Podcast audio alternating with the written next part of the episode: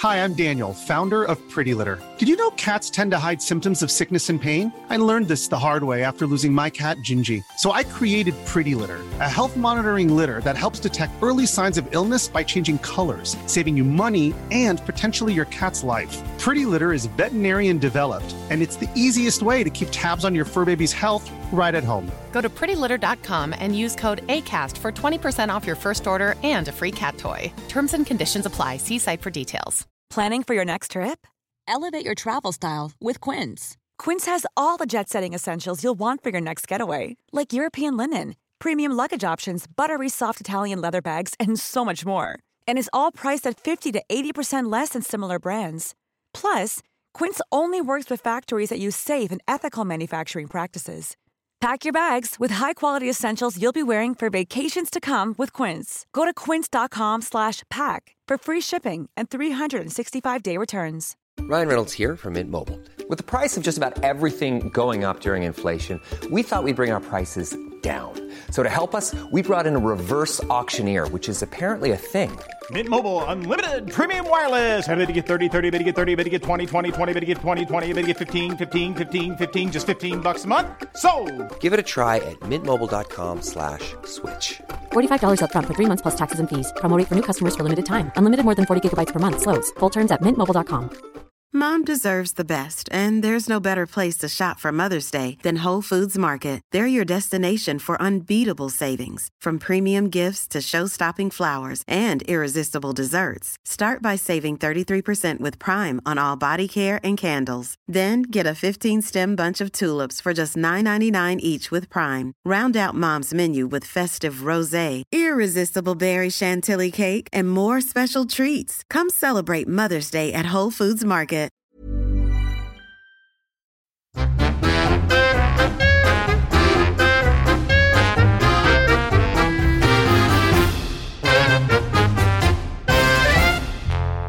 Varmt välkomna till Påskpodden. Påsk är påsk. Vad konstig den här påsken blev. Jag har ju inga, inget påskpynt hemma. Allt är på Gotland. Är det sant? Ja, jag har satt upp lite gamla fjädrar. Nej, men jag bara kände Du här- dödade, slaktade en höna, hängde upp skiten, bara tumlade runt den.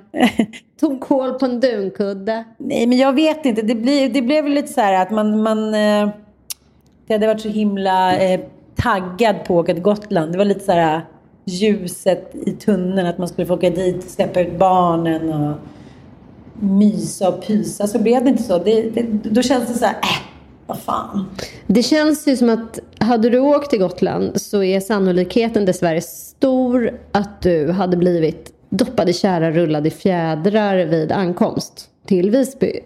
Jag har av en slump råkat hamna, jag vet inte, vissa människor älskar att lägga till mig i så grupper Jag på vet. Facebook. Och Stoppa färjan heter den gruppen. Är du med den? Ja, jag är med den. Herregud. Försök inte vara själv där. Nej. Den är ju ändå så här. Pestsmittades riksförbund liksom återuppstår tusen år senare. Nej men fattar du, den, den är helt galen. Att så här, de ska stoppa då Gotlandsfärjan. De vill inte ha fastlänningar på den där ön. Nu har ju de fått sitt första då dödsfall i covid-19 och det är väl ganska givet då att de beskyller några eh, stackars fastlänningar som har tagit sig till sina sommarboenden eh, på Gotland. Men alltså den är sjuk den här gruppen, det måste jag säga. Det som ventileras där. Och eh, jag, jag tror att du hade, kunnat, du hade kunnat råka riktigt illa ut om du hade åkt dit. Ja, men det är, alltså, jag tror att det kan bli lynchstämning. Det tror jag med. Det är inte läge att dyka upp i ICA i, vad är det ni brukar åka? Tingstäde. Nej. Ja, men, Du, du skulle ja, varit tvungen att så här, klä ut dig och ha på dig så här bonnaskägg och konstiga... jag är i och för sig bra som man. Ja, det, det är otippat bra som man. Ja, jag jag tänker att jag egentligen in- skulle blivit man. Kommer du ihåg när vi spelade in Spring? Då hade du en skön outfit Just det, just det, just det. Gud. Spring var alltså ett eh, TV4-program där jag och Sanna skulle jaga andra kändisar och själva bli jagade. Ja, vi skulle filma det andra kändisparet. I det här fallet så var det ju handbollsstjärnorna Staffan och vad hette den där andra killen? Ja, men just det, han som vi båda blev lite kära i. Vad hette han? Han var ju ändå helt... Kom ihåg hur bittra vi blev? men gud, vad heter han?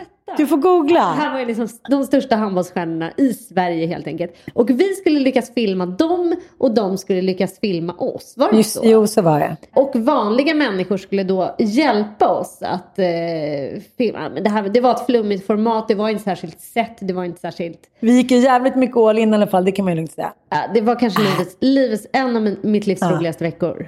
Men varför är det så roligt att leka och tävla? Så gör man det så lite hemma. Ja. Man skulle kunna göra så här Cluedo hemma. Ja, men det är väl att det är någon som har ordnat leken åt en. Ja, det är det man vill ha. Jag var aldrig lekledare som liten. Jag var en följare. Jag älskade ju att leka med min, en av mina bästa kompisar, eh, mesta barndomsvänner, Helena Wokström heter hon. Hon bor i, för övrigt i Italien. Eh, Just och, det. Hur går... Åh, Italien. Ja, hon bor ju verkligen i- mitt i coronans eh, epicentrum. Och eh, jag pratade med henne precis in, innan här podden faktiskt. De har varit isolerade i 30 dagar och eh, kommer troligtvis vara det i en månad till. Hon bor på en hästgård i norra Italien och hon du vet att de får inte träffa andra människor. Om de skulle bryta den här karantänen, typ åka förbi en granne och lämna en grappa, då får de böta upp till 5 000 euro. Va? Ja, 50 000 kronor alltså. En gång i veckan åker hon ner till den lilla byn där hon bor. Alltså det är en riktigt pytteliten byahåla. De har inte haft ett enda coronafall för, för några dagar sedan. Nu är det nio personer i den här byn som är smittade. Och de kan liksom inte fatta hur det här ens eh, kommer sig eftersom alla är instängda. Barnen går inte i skolan, de har hems Tänk om det är via djuren. Ja men alltså så obehagligt. Och hon var nere och handlade och där, där får man ju inte handla då om man inte har med sig engångshandskar och munskydd. Och så släpper de bara in tre personer i taget i deras matvarubutik liksom. Så det tog henne fyra timmar att åka ner på byn och handla det hon skulle för veckan. Och hon är vid gott mod. De har ändå 10 hektar. De har liksom 15 hästar att ta hand om. De håller på att liksom renovera det som renoveras kan. Och nu eh, gick italienska staten ut med ett eh, åtgärdspaket som gör att de inte kommer behöva gå i konkurs. I alla fall fram till september. Så de känner sig rätt trygga nu. Men hur som helst, hon är en extremt lek, alltså väldigt viljestark person och väldigt påhittig och initiativrik och driven människa. Och det har hon varit sen jag lärde känna henne och då var jag fyra och hon var sex. Hon är två år äldre än mig. Jaha. Och jag älskade ju att leka med henne. För, att hon bossade och bestämde och jag fick följa. Hon bara la upp en hel lek, ett helt lekscenario. Sen var det bara köra. Jag är lite lat. Tycker det är asskönt när någon bara, nu ska vi leka charader, du ställer det där, du ställer det Okej, säger jag bara. Men var du ändå typ, så här, var du ändå jämbördig motståndare? Med henne? Ja, men hon fick gärna, jag hade inga problem med att hon, men hon var, hon var rättvis ändå. Hon drev en tidning till exempel, Smådjursnytt. Alltså, vem gör ens det när man är åtta år gammal? Där hon så här printade upp, tvingade sina, hennes föräldrar var lärare, att de skulle då stencilera upp liksom. Och eh, åkte runt i hela grannskapet och fixade prenumeranter till Smådjursnytt. Som handlade om då, ja, kaniner, marsvin. Vi hade också en smådjursklubb, Hasseluddens smådjursklubb. Där vi åkte runt och tävlade med kaniner. Ja, Allt detta var ju hennes påhitt och hennes förtjänster. Och hon var liksom så jävla driven som unge. Så där som man bara tänker så här. Alltså, inga av mina barn tillhör den eh, skaran. Så här, överdriven energi, alltid liksom uppstyrd. Inte den här uh, oriktade ADHD-energin utan så här superriktad energi till olika projekt som hon genomförde från A till Ö med bravur. Liksom. Hon hittade ju prenumeranter, hon tjänade ju pengar på den här jävla tidningen. Åh, jag får säga mardrömsminnen. Jag var ju lite som hon, men var tvungen att ha starka medarbetare för att. Klart du hade. Jag kommer ihåg, jag startade ju en fotbollsklubb, Bymarkens FF. Eh, i liksom, vi hade när jag bodde i Jönköping så hade vi liksom som tre hus. En, en gammal Skånelänga där, där typ Jönköpings första så här, Coop-affär låg typ. Och sen så hade vi så här, ett hu- hus som vi hyrde ut och i bottenvåningen där så var det eh, ja, men tvättrum. Liksom. Och där hade jag, startade jag Bilmärkens FF, fick sponsrat tjej. Vi vann eh, kuppen, eller det var deras Sankt Eriks cup i Jönköping då, både första och andra året. Karo var med, jag var ordförande. Såklart. Ja, tog inte några ekonomiska risker, jag, jag tog inte hand om det. Eh, nej men jag var också sådär jävligt på gång och, och jag kommer ihåg jag skulle sälja jultidningar. Hur fan, jag sålde jultidningar för en miljon. Sen skulle de där jultidningarna ut. Beställningarna När kom du hade bort. cashat in. Ja, då var jag nöjd liksom. Och det blev, så pappa fick åka runt där, men äh, det blev riktig katastrof. Så jag kan säga att jag är ju liksom ingen förvaltare. Nej, du är en igångsättare. Ja. Men en, en igångsättare ska gärna vara ihop med en förvaltare Ja. förstås. Men hon verkar vara både och ju. Ja, men hon är verkligen Ja. både och. Hon är en sån jävla förvaltare. Och hon är en arbetsmyra. Men hon är också så här, jag säger det till mina barn. Alltid att så här, hon kan verkligen konsten också. För hon har ju gått från att ha, hon utbildade sig till jurist. Och jobbade som typ avtalsjurist. Det är liksom ett ganska väl, välbetalt jobb. Men hon har också alltid haft pengar. Och hon kände bara så här, det här är för tråkigt. Jag kan inte jobba liksom, sitta och vända papper hela dagarna på ett kontor. Jag älskar hästar. Jag skiter i det här nu. Jag startar en liten turridningsverksamhet. Så hon hyrde, och där är också så här, hon i ett nötskal. Hon bodde här inne i stan och hade en, ett eh, hyreskontrakt, en tvåa. Och jag bara, men har du varit inne på eh, Blockets eh, hus och gårdar, uthyres? Hon bara, nej, gud vad kul. Två dagar senare bara, fan vad kul att du tipsade om det där. Nu har jag hyrt en gård i Vallentuna så jag ska flytta dit på tisdag. Ja men typ. Kanske Ja, inte var exakt så. Men då flyttar hon ut till Vallentuna, startar alltså en rid, turridningsverksamhet. När hon själv har bara ett, hon har en häst. En gammal travare som hon har köpt som är så här Frankie, jag vet inte, så här 12-årigt eh, varmblodsvallack. Och sen fanns det lite andra hästar som stod där som typ var dumpade. Och där började hon sin lilla verksamhet. Bygger upp den här verksamheten köper nya hästar, gör om det, det blir en västern eh, ridskola och turridning ridning på quarterhästar. Och hennes mål plötsligt är så här, jag kan inte stanna i Sverige bara, jag kan inte lufsa runt i den här lervällingen liksom. Jag vill till Italien. Så satte hon upp en femårsplan. Bara, jag ska till Italien med mina hästar. Och nu är hon där. Tog med sig alla sina quarterhästar från Sverige skeppade över dem, eller skeppade gör man inte, men bussade dem hela vägen till Reggio Emilia där hon nu först hyrde en gård för att testa om de skulle eh, trivas där och sen tre år senare så skrev de på köpepapperna nu. Precis innan corona bröt ut. Så nu har hon köpt den här gården, nu har hon sina 12 hästar där och eh, de har haft en blomstrande business med turridningar. På, det är otroligt vackert där. Vi är på väg dit. Ja, Det vi är där måste åka börja- dit. det är där Och jag ska nu, börja nu, rida. liksom, nu kom den här vidriga jävla coronan och bara slog sönder hennes dröm. Men hon är som sagt en survivor och en jävligt viljestark problemlösare. Så jag är inte dugg rädd för att hon inte kommer lösa det här.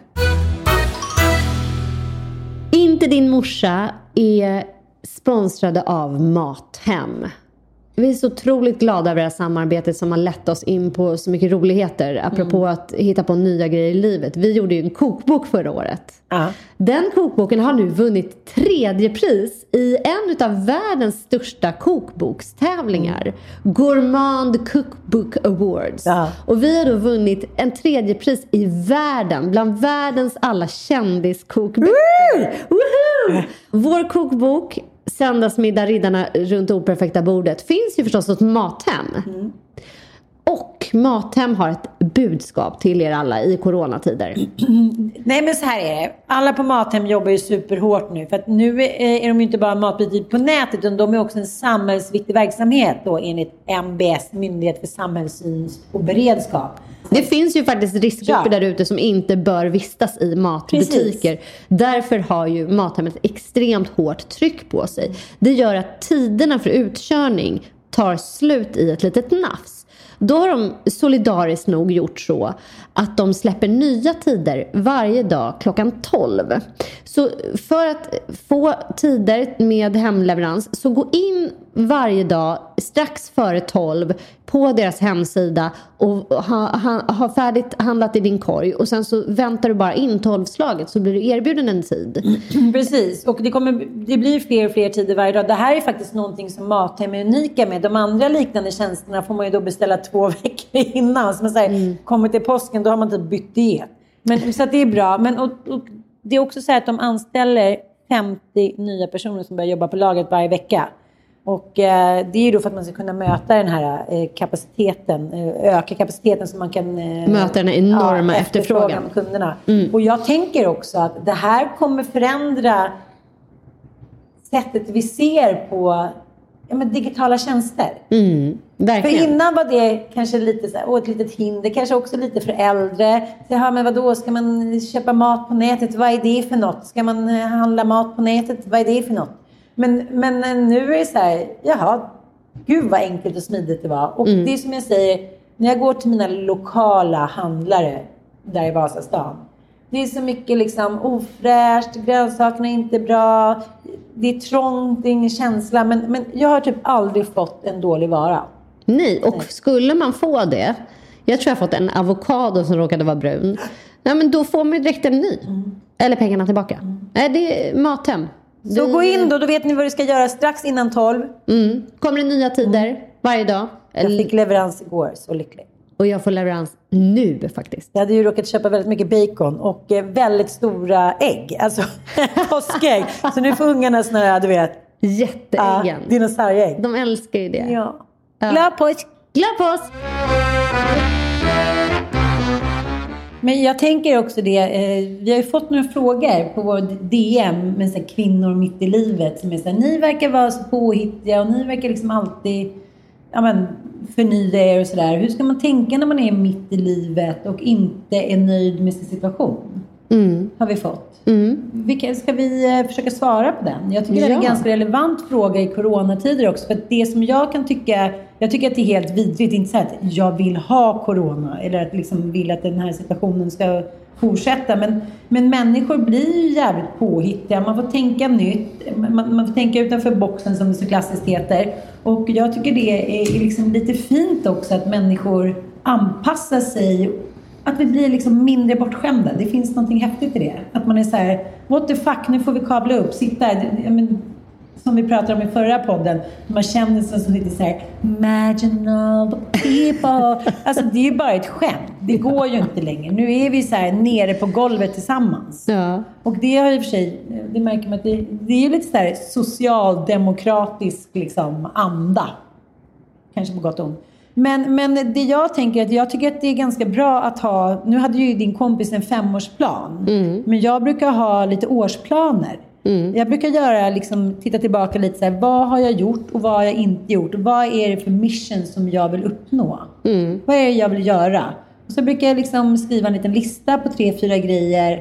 Ja, men, nu låter det som ett så här, skriva en kokbok, det vill jag göra. Som att man är 12 år gammal. Men man kan få vara lite 12 år gammal när det gäller drömmar eller förändra livet. Jag tänker så här, det här om något med corona visar ju att vi har, är kapabla att överleva. Även i tider där vi kanske blir av med jobbet. Man får tänka om och tänka nytt. Liksom. Ja, men sen har jag också fått lära mig att det är skillnad på vision och mål. Och visionerna, de ska vara sådär 12 år gammal, jag är ett barn som typ vill bli eh, den nya Michael Jackson eh, och bo i LA vill, du, vill du bli nya Michael Jackson? Det är Ja, jättebra liksom, idé. Det kan man, väl bara, vilja. Jo, men... Och grejen är den att vissa blir ju extremt provocerade när man langar fram en vision. Så här, Åh gud, jag tycker det skulle vara så cool, kul till exempel att skriva en kokbok. Ja, men- Då finns det alltid olyckskorpar som är så här, men gud du ska inte, du är väl ingen kock, du, du väl, vad är det som är så speciellt med din mat och varför skulle du vara så bra på att skriva en kokbok och låt de som kan det där göra det. Som blir väldigt provocerade över att man flyger högt. och att man gillar att göra det liksom. Och att man Ja men du har ju så här, jag skulle vilja säga att en vision för dig är att så här, någon gång i livet stå på en teaterscen och typ få göra en så här, kanske en musikalroll. Det är du som är inne på den här musikalgrejen. Ja, jag vill göra vad fan som helst på en scen. Ja, jag. precis. Men det har jag gjort. Men jag menar nu, du menar Nej, men jag professionell. menar- Nej att du ska bli så här regisser, inte att du ska själv, du Nej. och Anita ska så här, köra en egen liten show. Utan du ska bli regisserad av ett proffs. Du ska få ett manus, du ska få spela liksom, en, en, en, någon som har skrivit dramatik för dig liksom. Ja. Riktigt jävla bra skit.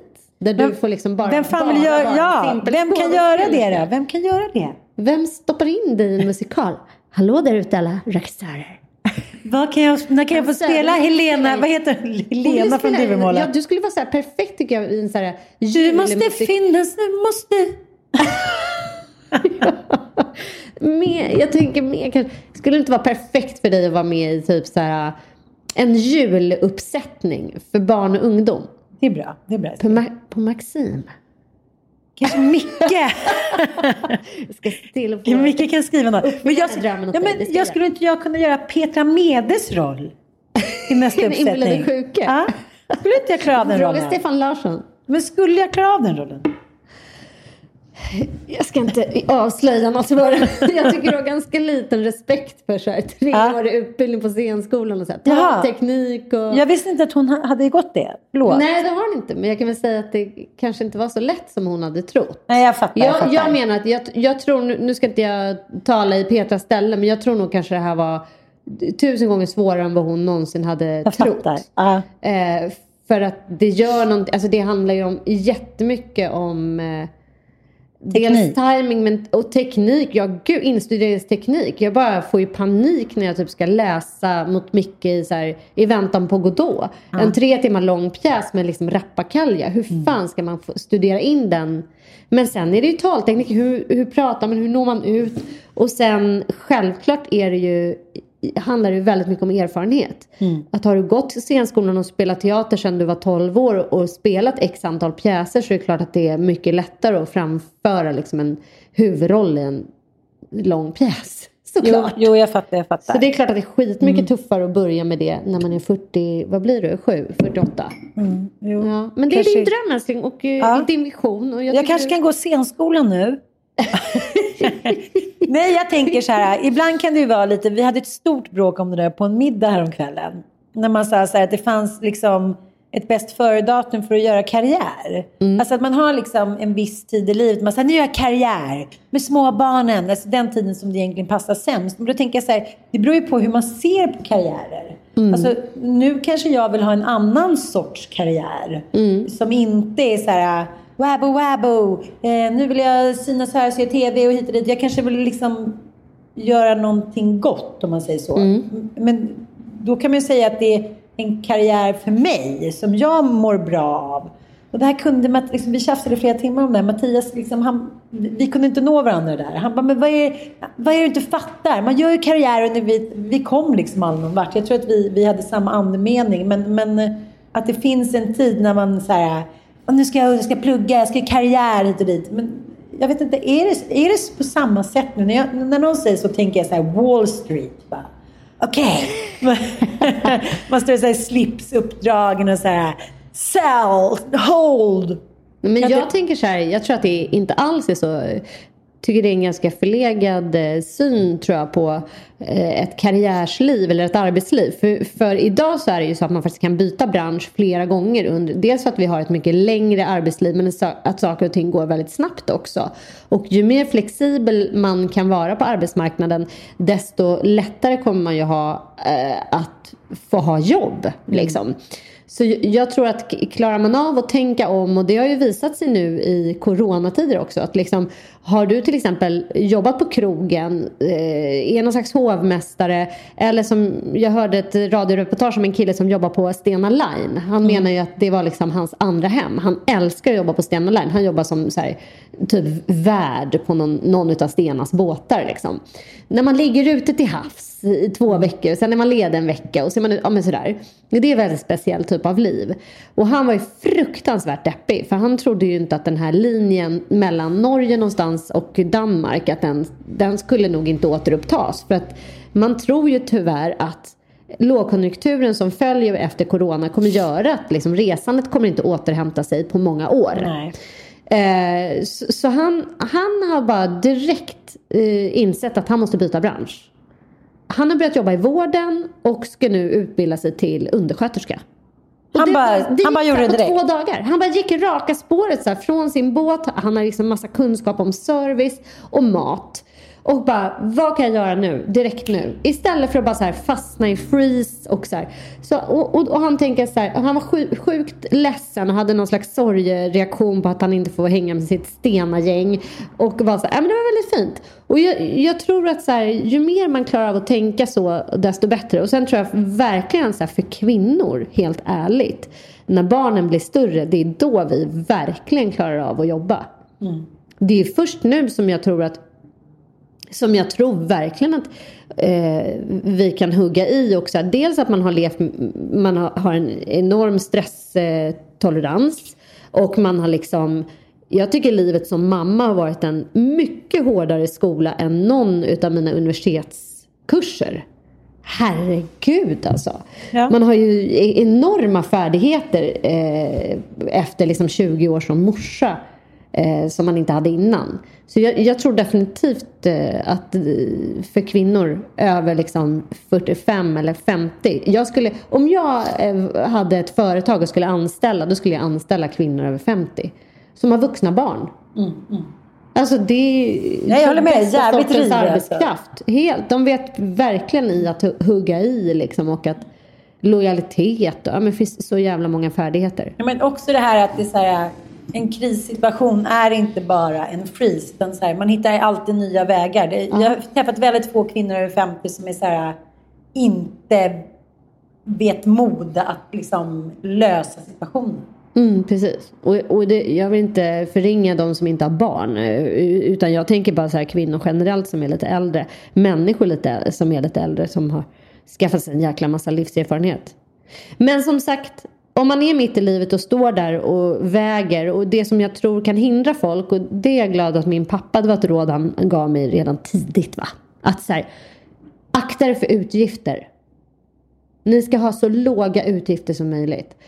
Skaffa er en lägenhet liksom som är, dra inte på er massa lån, försök att hålla ner utgifterna. Han var typ besatt av att hjälpa oss att hitta eh, bostadsrätter då. På den tiden så kostade det, låter extremt lyxigt att kunna ge sina barn bostadsrätter i Stockholms innerstad. Men på den tiden, när jag fyllde 18 år, vet du vad min etta kostade? Nej. 320 000. Och Kalle då, som eh, ett år innan köpte pappa hans lägenhet till honom. Den kostade 260 000. Det var också nätta. Och på liksom, och det var här var ju innan den stora liksom bostadsbubblan eh, började växa i Stockholm. Men så han var i alla fall besatt av att hitta boenden med låg kostnad till oss. För, och han menade så här, det är ert Vad enda gulligt. sätt att vara fri. Det, om ni har låg boendekostnad och månadskostnad då kommer ni alltid kunna så här, välja om och äh, jag pluggar lite grann eller jag tar ett sabbatsår och liksom funderar på vad jag vill göra eller jag vill skriva en diktsamling, jag ska testa det liksom. Och det ligger någonting i det. Så står man mitt i livet och inte vet att tänka om så tror jag det handlar jävligt mycket om att man är stressad över att man har stora ekonomiska åtaganden. Jag har alltid haft höga. Bostadskostnader. My God, du kan ju inte tänka om. Min bara- första lägenhet var så här, den dyraste typ tvåan på Söder. Jag vet inte fan hur jag hamnade där. Jag liksom, där har jag inte varit särskilt smart helt enkelt. Fast ändå, å andra sidan så har jag ju nosat upp boenden och sålt och levt på det. Så jag vet inte. Men, men jag tänker också att Det kanske också kan vara morot i och för sig. Men, men så jag menar, det, det, det funkar väl olika för olika människor. Och, eh, som du säger, att ibland kan det vara så. Men ska, jag tycker att det har varit en, en rolig krönika. Eh, från en, jag kommer inte ihåg vad han heter nu. Jag tror att det var i, i ett sätt där han var så här. Sluta klaga jävla kändisar och skaffa ett riktigt jobb. ja, faktiskt. Ja, men så här, allt från ståuppare till liksom, ja, men, Ja. människor i en viss bransch. Vår Så här, bransch Fan, nu har inte jag något under." jobb. Buhu, buhu. Nej men skaffa dig ett vanligt jobb där. Gå ut och liksom knega för fan. Det är inte synd om er. Men om du nu skulle bli av med dina uppdrag. Skulle du kunna hoppa in och typ jobba på så här, eh, hemtjänsten? Ja, lätt. Ja. Men jag tror nog... Det hedrar dig. Ja, ja, men det skulle jag verkligen. Alltså, det är lite så här, jag har fem barn. Det kanske inte var jättesmart att skaffa så många barn. För liksom, det är ju så jävla dyrt. Bara man skulle handla nu till påsk. Man bara, okej, eh, alla ska få lite påskpresent, alla ska ha påskägg. Det är galenskapspengar. Ja, det det, är är det. liksom pengar för kungar. Mm. Och sen har jag ju inte gift mig rikt. Och det är liksom, ja men det går ju, alltså, jag har liksom inte insett förrän nu hur dyrt det är att ha barn. Jag har liksom inte låtsats om. Det är lite som jag med mina hästar. Jag ljuger för mig själv. Ja. Men jag tror att det också har hänt med corona. För nu är alla jävla ungar hemma hela tiden. Ja. Och det ska vara frukost, lunch och middag och de är inte ute. Så att liksom, de, bara kostar pågående hela tiden. Och Ja. man, vill liksom, man vill lindra lite grann det, de begränsningar som de upplever genom att så här, götta till det lite hemma. Det är Mm, Ja. ju verkligen lördag hela veckan hemma hos oss. Precis. Ja, men, Det är så mycket godis, det är så mycket glassar, det är liksom olika små... Ska vi gå och, köpa en pizza då? Man Pipa vill in och liksom köpa hem pizza Ja. så att man ändå liksom gör någonting, Ja. lite förhöjer tillvarons min mage jobbar ju på. Alltså. Man är, man är riktigt så här, ja, men så här, vad ska man säga, vi smörjer kråset. Men Jag tänker på det där att, man ska, liksom att vi har en lång tradition i Sverige av att man ändå ska bliva vid sin läst. Mm. Och sen är det ju så mycket som vi så kallade då, ja, men, jag vill inte, säger inte kändisar, men människor som kanske har medieutrymme. Att det, blir, det är så lätt att både liksom hylla och döma, eh, ja, liksom beroende på det man ser. Men det är så väldigt många människor som eh, pluggar själva, har drömmar, har tänkt på saker och jobbat för, för sina mål i massa år. Och sen när man kommer ut någonting som faktiskt det som har hänt mig lite nu med, med Her House. Ja! Ja, eh, Nej, men nu, det här är ju så jävla fantastiskt. Du har, alltså berätta. Jag, jag, jag, jag är så förvånad över att jag har, jag vet ju att du har pra, sagt, nämnt Her House, men du har ju Mm. andra sidan så här, tusen järn i elden. Och jag bara tänkte så här, ja men Her House, just det, men vad fan var det? Men det här är ju så fruktansvärt bra initiativ. Berätta kort, vad är Her House? Ja, men det som jag vill säga, det som, som vi pratade om innan, att det, nu framstår det som att jag eh, tillsammans med de här tre andra kvinnorna då i coronatider bara plötsligt hastigt och lustigt slängt fram en stiftelse. Och så är det såklart inte.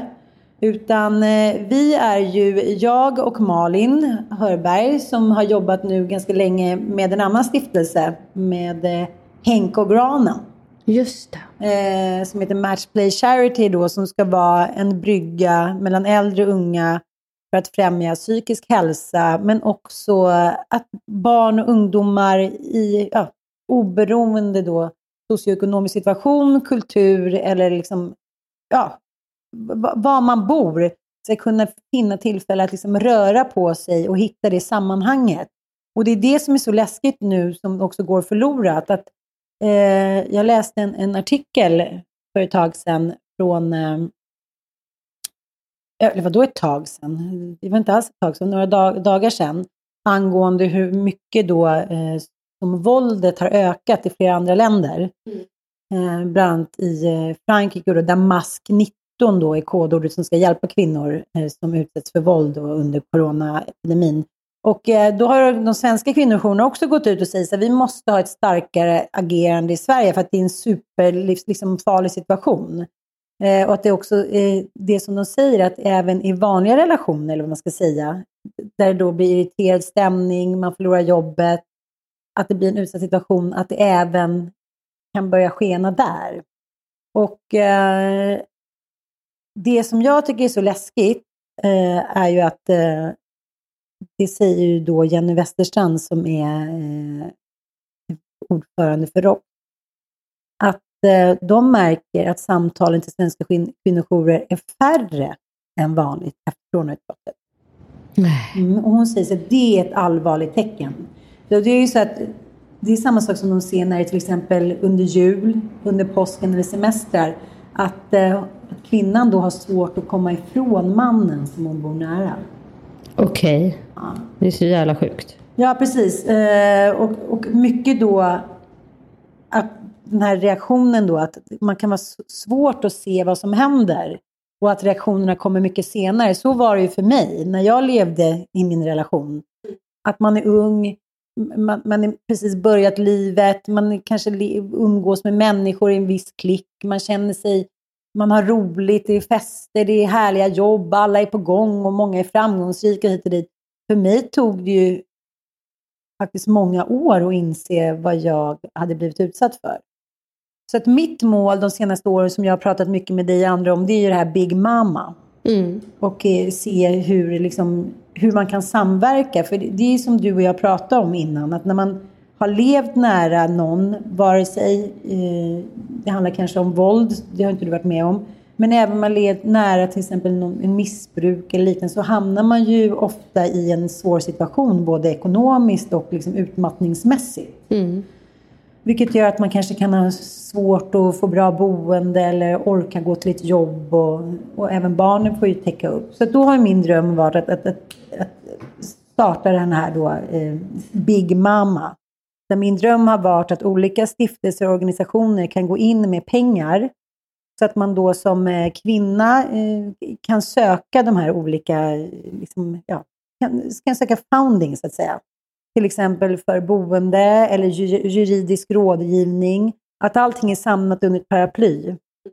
allt från mående, jag menar liknande Hedda Care, att man då kan få ja, organisationer och liksom företag att gå in och eh, ja, betala för de här kvinnorna. Så jag kanske inte har råd att betala ma- mat den här veckan och då kan man ansöka om det här och även få hjälp med vanliga frågor. Och det tycker jag är så jävla konstigt att vi inte pratar om, hur snabbt det är att bli ekonomiskt utsatt när man, när man lever i en dysfunktionell situation. Mm.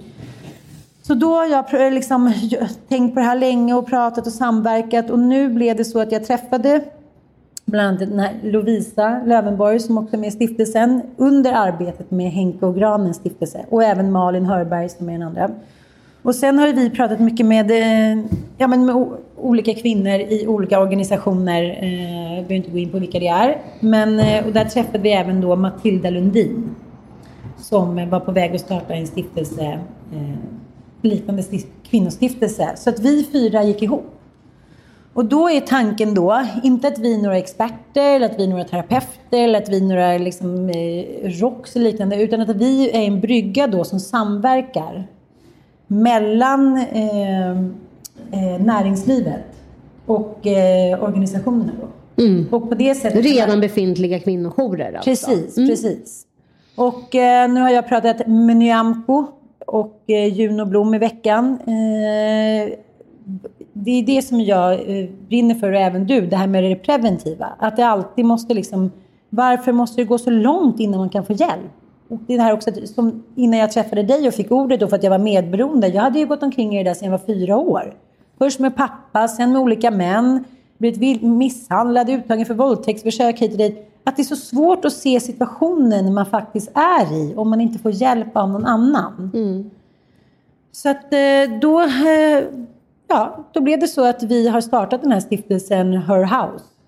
Som då ska eh, se till att kvinnor och barn i den här situationen då kan få mat eh, och någonstans trygghet att bo.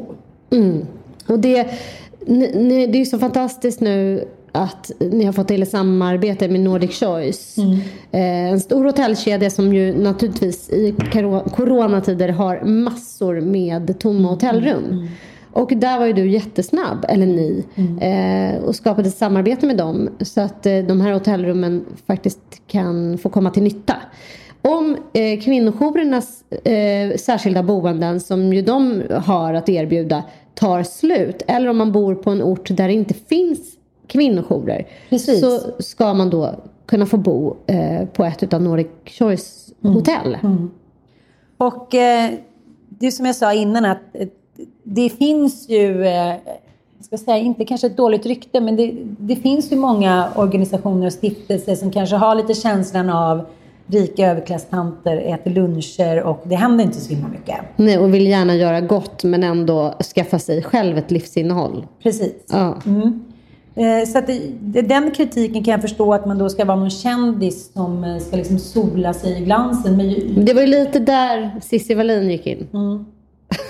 men det känns ju lite grann så här Jag bara tänker så här, Eh, vem Bita är just sig- hon? Bita sig Ja, själv i svansen. svansen, big time. ja, Hon startade väl själv en stiftelse. Haveristerna har ju gjort ett väldigt, faktiskt stundtals underhållande, granskande avsnitt om Cissi Wallins olika försök till att starta stiftelser. Det har inte fallit väl ut. Apropå att vara en jävligt duktig initiativtagare, men icke en förvaltare. Ja.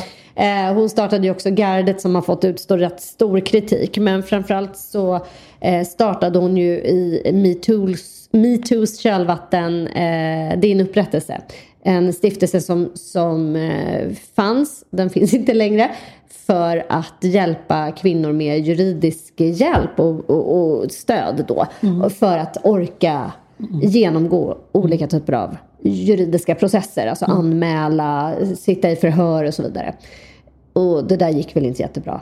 Och, och, och nu var hon ganska snabbt in och ifrågasatte då din Precis, det gick jävligt snabbt alltså. Det gick Ja, väldigt det snabbt. gick väldigt snabbt snabbt. inne. Och hennes följare som ett litet, eh, Mm. en liten svans som hängde på där. Och jag menar på ett sätt så det är väl jättebra att man granskar och synar eh, stiftelser. Alla typer av stiftelser, som, speciellt om man äskar pengar, alltså tigger och ber om swish.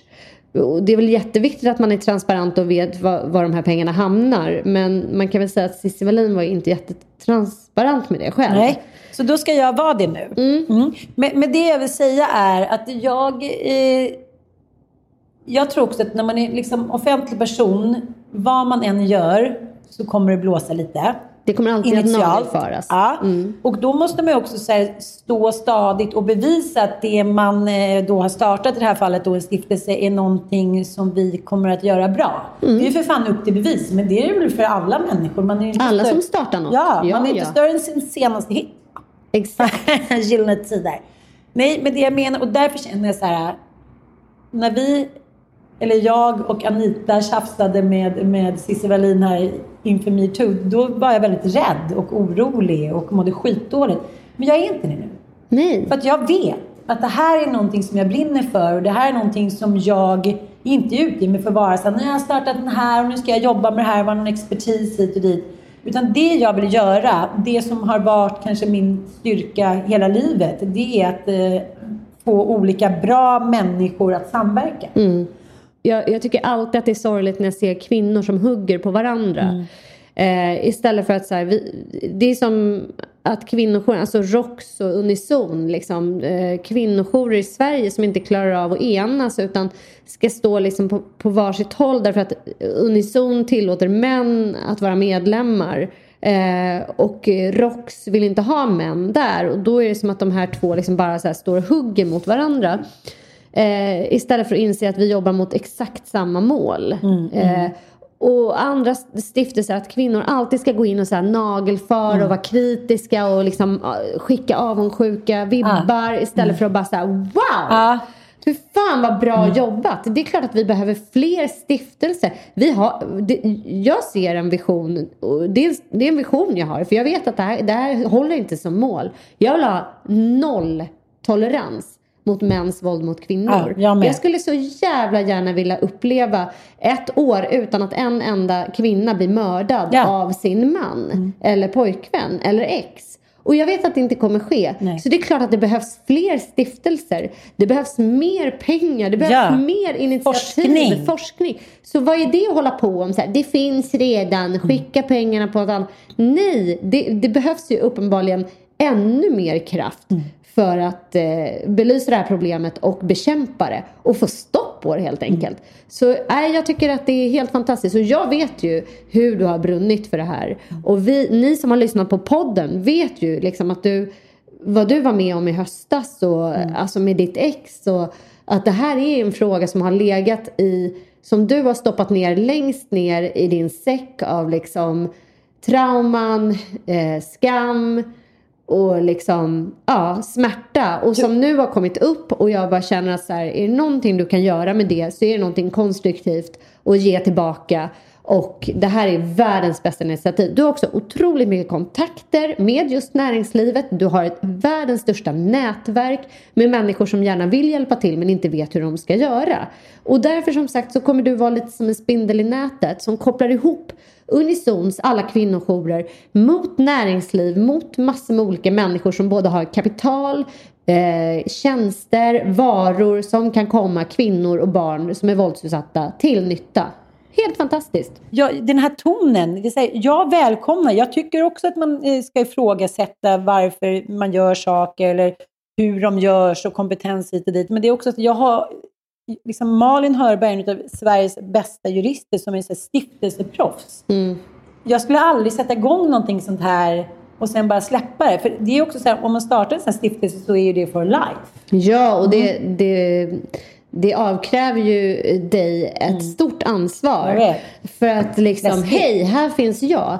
Eh, till alla er som är våldsutsatta. Och, och att liksom inte svara upp då. Det, det är ju verkligen inte okej. Nej, men det jag menar... Det, jag menar, det, det har ju du... Det har ju du redan bollat med. Det är Ja. klart att du har tagit eh, höjd för det. Precis, men det jag tänker på också, där jag känner att jag med, som du säger, med mina kontakter då mellan både stiftelser, organisationer och näringslivet, som faktiskt är otroligt stor. Jag, som jag är väldigt liksom, eh, mån om att använda på rätt sätt. Och jag tänker också att vi måste på något sätt kliva ur eh, känslan och tanken kring att det här bara är liksom kvinnofrågor som fan fram till 90-talet så var det ju fortfarande liksom gängse tankar att misshandelsgrejer på kvinnor. Det skulle skötas bakom liksom stängda dörrar. Det fick liksom kvinna och man göra där hemma. Mm, tyvärr, det är ett sånt här, eh, vad är det man kallar det för? Alltså, det är så hemskt att det ens finns eh, relationsproblem. Typ. Alltså, att man har, så här, alltså, man har verkligen så här förminskat Ja. mäns våld mot kvinnor. I alla år. Något så här, ja men verkligen. Och det är ju samma sak i den anhörig, i liksom, de program och de böcker och allt det vi har gjort med anhöriga. Det är ju samma sak där. Att här, om en kvinna till exempel har varit alkoholist så är det så otroligt mycket mer stigmatiserande än om en man har varit det. För en kvinna har en viss roll som hon ska liksom axla och mantla på den här jorden. Det var en god mor och en god fru. Om man inte är det, då hamnar man liksom rätt ner i helveteskloakerna direkt. Så det jag tänker, eller planen med den här stiftelsen är både att vara preventiv, att så här, finnas där redan innan det har smällt. Eller redan innan man har hamnat i något medberoende eller anhörigskap som du och jag pratar mycket om. Och sen också att jobba för att ta bort stigmatiseringen kring det här. Att det ska vara en skam. Att, för mig har det alltid varit en otrolig skam att jag har blivit misshandlad. Jag kan inte identifiera mig med det. Jag kan identifiera mig med vad fan nästan som helst. Men inte att jag var en chefredaktör på en liksom, svensk tjejtidning och satt i liksom, TV4 och hade ett eget TV-program och samtidigt blev liksom dragen i, längs Vasaparken i håret av min dåvarande kille medan en taxichaufför satt och väntade tills han hade liksom hucklat klart. Jag kan inte identifiera mig med det. Det, kan jag inte. Nej, jag förstår. När jag läste Matilda Gustafssons klubben Ja. så tror jag, alltså den skildringen som hon gör eh, i intervjuerna av de kvinnor som blev utsatta för Arnaud så förstår man plötsligt också så här eh, hur jävla långt inne det sitter för merparten av alla kvinnor att orka identifiera sig med att ha blivit våldtagen. Eller sexuellt utnyttjad. Att det, det är en sån otrolig jävla kränkning av ens integritet. Så att man istället så gör man om den här händelsen till att man kanske ändå var med på det lite. Eller fan vad sjukt. Jag ville nog ändå lite. Lite grann så. Eh, eller jag får ju skylla mig själv för jag var så packad och jag var nog lite flörtig och så här. Man vill helt enkelt lägga in eget ansvar för att orka med att identifiera sig med det man har blivit utsatt för. För att det är så oerhört jävla kränkande. Och det, det förstår man i den skildringen och när du har berättat om det här också så många år senare trots att jag har känt dig i snart, ja men 11 år. Så tycker jag ändå att uh, det, det är liksom det är slående också hur eh, många som eh, har blivit utsatta för våld i nära relation och hur många det är som bara håller tyst om det. Mom deserves the best, and there's no better place to shop for Mother's Day than Whole Foods Market. They're your destination for unbeatable savings, from premium gifts to show-stopping flowers and irresistible desserts. Start by saving 33% with Prime on all body care and candles. Then get a 15-stem bunch of tulips for just $9.99 each with Prime. Round out Mom's menu with festive rosé, irresistible berry chantilly cake, and more special treats. Come celebrate Mother's Day at Whole Foods Market. Cool fact a crocodile can't stick out its tongue. Also, you can get health insurance for a month or just under a year in some states. United Healthcare short term insurance plans, underwritten by Golden Rule Insurance Company, offer flexible, budget friendly coverage for you. Learn more at uh1.com. Hey, it's Ryan Reynolds, and I'm here with Keith, co star of my upcoming film, If, only in theaters, May 17th. Do you want to tell people the big news? All right, I'll do it. Sign up now and you'll get unlimited for $15 a month in six months of Paramount Plus Essential Plan on us. Mintmobile.com slash switch. Upfront payment of $45 equivalent to $15 per month. Unlimited over 40 gigabytes per month. Face lower speeds. Videos at 480p. Active Mint customers by 531.24 get six months of Paramount Plus Essential Plan. Auto renews after six months. Offer ends May 31st, 2024. Separate Paramount Plus registration required. Terms and conditions apply if rated PG. Planning for your next trip? Elevate your travel style with Quince. Quince has all the jet setting essentials you'll want for your next getaway, like European linen, premium luggage options, buttery soft Italian leather bags, and so much more. And is all priced at 50 to 80% less than similar brands. Plus, Quince only works with factories that use safe and ethical manufacturing practices. Pack your bags with high-quality essentials you'll be wearing for vacations to come with Quince. Go to quince.com slash pack for free shipping and 365-day returns. Nej, Nej men det... För att återanknyta till ja. den här DMarens eh, fråga till oss liksom. Mm. Så gör det bara. Lyssna på min pappas råd. Minska dina kostnader, Ann. Ja. och se till att du kan eh, tänka om mitt i livet. Det går faktiskt att plugga till någonting nytt. Det går att eh, omskola sig. Det går att byta jobb. Det går att byta ner sig karriärsmässigt. För, alltså, vi har ju en annan jättebra kompis till oss som är över 50 år. Hon är för fan, hur gammal är Margita? 54 Vi får säga fel nu. Nej. Hon är bara mellan, 42. Nej men mellan 53. Mellan 50 och 55. Nej, men hon, är, nej, hon är äldre än 50. Hon, hon har ju varit 50 länge. Hon kanske, ja, men skitsamma. 54, ja, 55. Någonstans runt ja. 55. Hon har ju jobbat som chefredaktör på BMW Magasin. Hon I många år. I många år. Hon har jobbat som en slags pressansvarig på Fotografiska museet. Ni vet. Alltså det här är ändå positioner i, i svenskt vad ska man säga, kultur och, och samhällsliv eh, som är uppburna. Alltså, mm. det, det, är så drömjobb som de flesta skulle vilja ha. Välbetalda ja. drömjobb. Hon har nu sagt upp sig för att börja jobba på ett ungdomshem på 75 procent för att hon vill kunna skriva på sin bok mm. som hon har drömt om i hela sitt liv. Mm. Och det här är bara underbart tycker jag. Och hon är också så här, äh, jag bantar mina kostnader, nu får jag leva på liksom, det, det här är ingen bra lön. Vad var hon sa? Hon fick, skulle få ut 15 000 i månaden. Mm. Hon bara, jag ska leva så här ett år. Från topplön? Liksom. Ja, från att ha topplön och topposition så får hon nu äntligen tid att skriva sin bok. Att våga göra det. Och som mm. sagt, det kan hon också för att hon har en vuxen son. Vi kanske skulle ringa Maggan och fråga i nästa avsnitt så kan hon komma in och berätta ja. lite hur hon tänkte. För jag tycker ja. det är skitspännande. Jag tycker det är sjukt spännande. Jag älskar generellt människor som vågar byta liv. Ja. Som Helena som jag berättade om, som, som sket i sitt juristjobb, hoppade av det och startade en liten turridningsverksamhet som nu har blivit en blomstrande ridreseranch i norra Italien. Alltså det, det går att tänka om och det går att göra om. Och nu är du en stiftelse Tantalora. Nej, men det här Nej, jag håller med dig. Men jag vet men, hur du har brunnit för det här. Jag är så ja. jävla stolt över dig. Tack älskling. Jag tycker det är sjukt coolt. Jag, jag, jag tror... Är jätte, ja, jag är så... Jag bara, när jag såg eh, ditt pressmeddelande, jag tyckte det var så proffsigt också. Det är så snyggt gjort. Det är så coolt att ni har fått med Nordic Choice. Alltså allt det där som man bara... Bird. Det är klart. Oddbird är med. Mm. Det som jag också brinner för, som jag har gjort, äh, brunnit för sen jag eh, eh, gick på syslöjden, 7, 8, 9 i Kvicketorpsskolan när vi hade trådhitler. Jag kan säga så, för hon lever faktiskt inte längre. Så jag säger trådhitler med kärlek. Hon hade det var alltså din sylärare? Ja. Syslöjdslärare? trådhitler. Och Bobby Bög hette, hette gympaläraren. ja. ja. Hur som helst. Hon hade en sån här frisyr som inte finns längre. Du vet, som är så avklippt. Mm. Och så liksom ligger fett mot huvudet. Så här.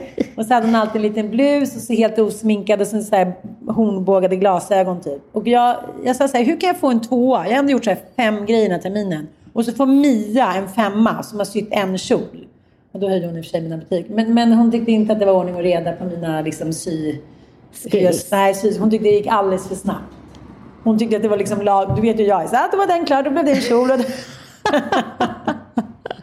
Jag är utav den eh, liksom, eh, speciella åsikten att det kan gå snabbt och ändå bli bra. Det är det jag menar. Mm. Att jag känner också det med den här stiftelsen att redan nu, jag eh, har bara lagt ut den här pressreleasen för några dagar sedan, så har liksom, eh, näringslivet hört av sig. Och, eh, det, jag tycker att det blir så rörande också för att nästan alla inom näringslivet tycker jag, det har skett en stor förändring de senaste åren. Man måste göra gott. Mm. Man vill göra gott, annars får man inte vara med. Mm. Nu eh, har de hört från överfallslarm. Så här, Gud, det här, vi har pratat om det här jättelänge, det här med de tomma hotellen. Och hur, många, hur många larm behöver ni? Jag bara, ja, vi skulle kunna tänka oss ett par tusen larm. Då fixar jag det. Jag sa ju det lite som ett skämt. Eh, ja, men Oddbird går in och betalar vakter, eh, betalar eh, beforskning. Mm. Alltså alla känner ju alla ringar på vattnet. Så jag tycker det är helt otroligt. Det är en tjej som hörde av sig nu som håller på att utveckla en app med larm.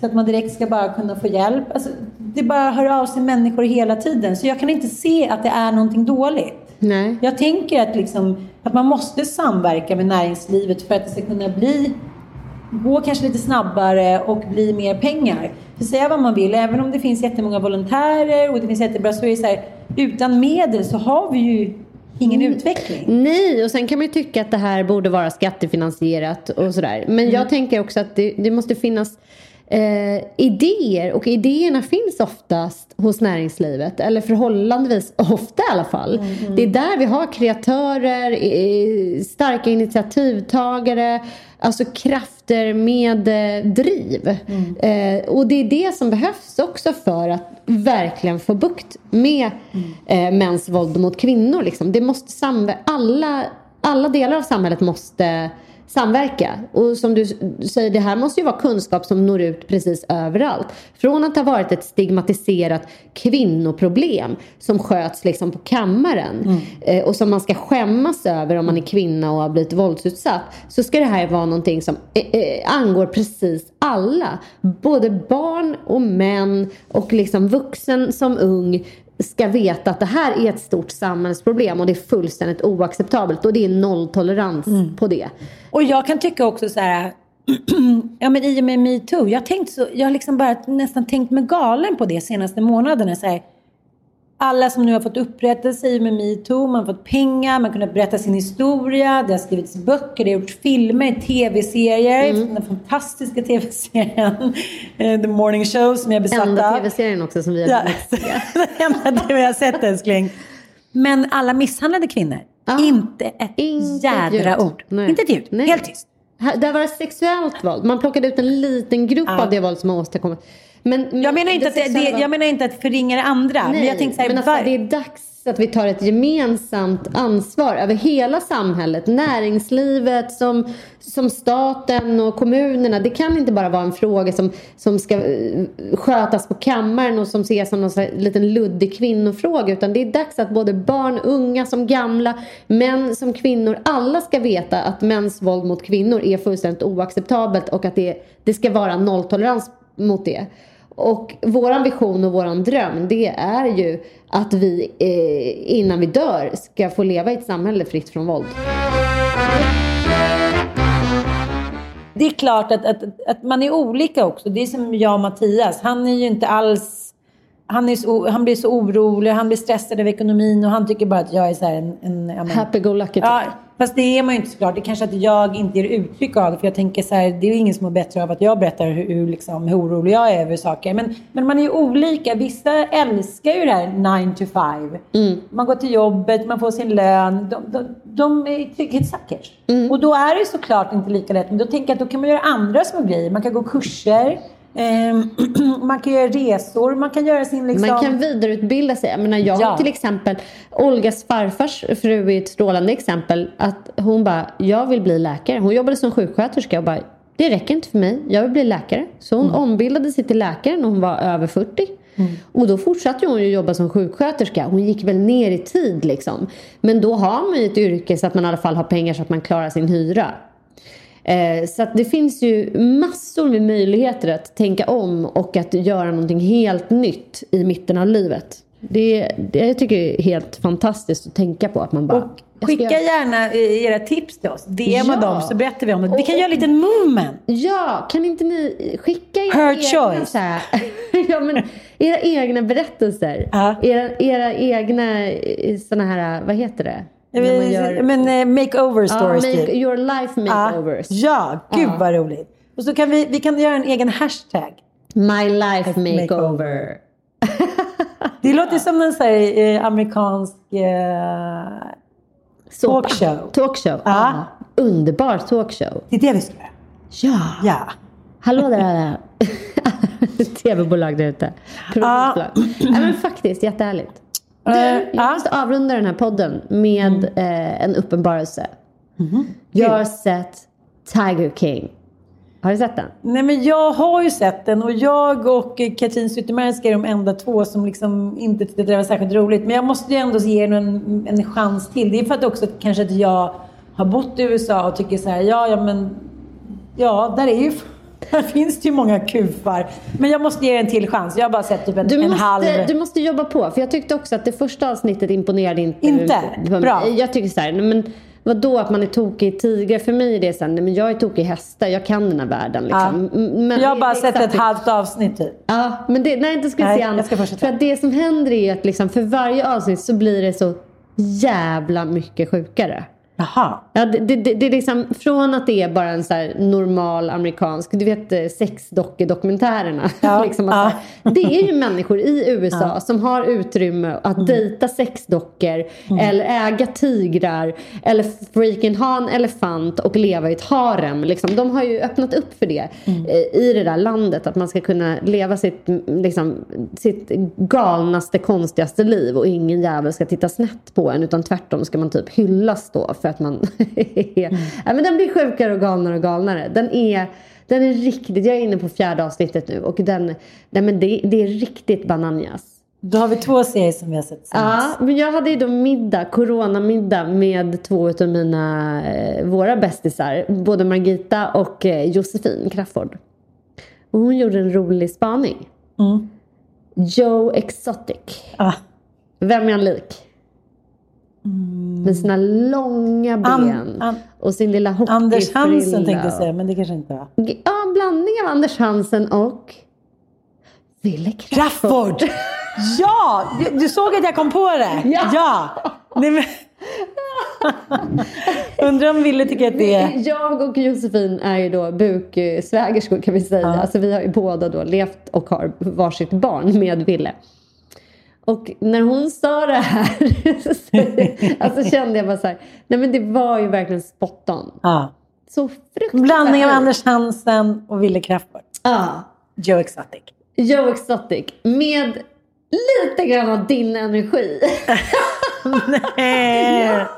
Usch, nu måste jag kolla på det där. Jag älskar Joe Exotic. Jaha, alltså, okej. Det är med kärlek som jag säger det här. Han är en extrem doer. Han Ah, startar stiftelser. Han liksom kommer igång. Han ska sånga. Han har, han har trubbel med ekonomin. Ah. Samlar på tigrar. Du samlar på loppispinn. Och barn. Eh, och barn. Äh, men det, ni, ni har många gemensamma nämnare. Jag har också gemensamma nämnare med Joe Exotic. Jag Mm. Ja. samlar ju på hästar då. Ja, ja. Ja, och jag befinner mig också ständigt i luven med olika typer av hästmänniskor. Joe Exotic han ägnar sig åt att eh, ligga i luven med tigerfolket va. Jag ägnar mig åt att ligga i luven med hästmänniskor. Ja, men det verkar ju vara, alltså för det verkar ju vara så här att kärleken till de här djuren gör att man tycker att man är deras liksom mami. Och det vet man ju själv när man har barn. Man tycker ändå att man är bästa mamman till sina Ja, barn. så att man det. kan inte ta någon, man har ingen självinsikt Inga överhuvudtaget. alternativa Nej. idéer om hur de här Nej. djuren ska vårdas. Och det är det, är det de här eh, konflikterna hela tiden rör sig om. Att den ena menar att den andra sköter tigrarna fel och gör på fel sätt. Aha.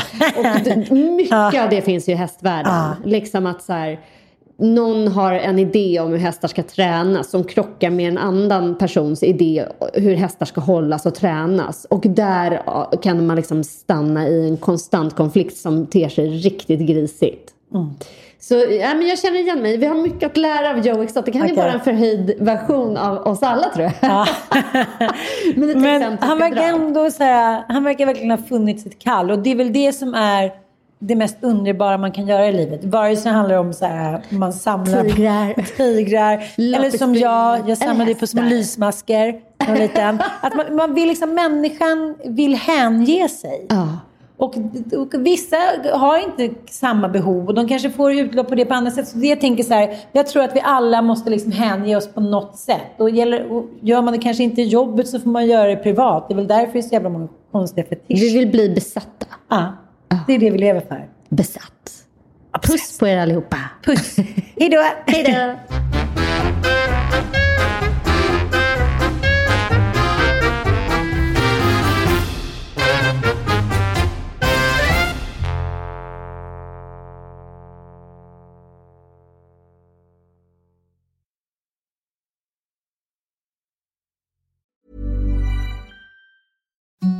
the softest sheets you've ever felt. Now imagine them getting even softer over time. That's what you'll feel with Bowl and Branch's organic cotton sheets. In a recent customer survey, 96% replied that Bowl and Branch sheets get softer with every wash. Start getting your best night's sleep in these sheets that get softer and softer for years to come. Try their sheets with a 30-night guarantee. Plus, get 15% off your first order at bowlandbranch.com. Code BUTTERY. Exclusions apply. See site for details. Even when we're on a budget, we still deserve nice things. Quince is a place to scoop up stunning high-end goods for 50 to 80% less than similar brands.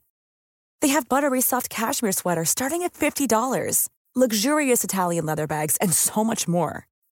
Plus, Quince only works with factories that use safe, ethical, and responsible manufacturing. Get the high-end goods you'll love without the high price tag with Quince. Go to quince.com/style for free shipping and 365-day returns. Mom deserves the best, and there's no better place to shop for Mother's Day than Whole Foods Market. They're your destination for unbeatable savings, from premium gifts to show-stopping flowers and irresistible desserts. Start by saving 33% with Prime on all body care and candles. Then get a 15-stem bunch of tulips for just $9.99 each with Prime. Round out Mom's menu with festive rosé, irresistible berry chantilly cake, and more special treats. Come celebrate Mother's Day at Whole Foods Market.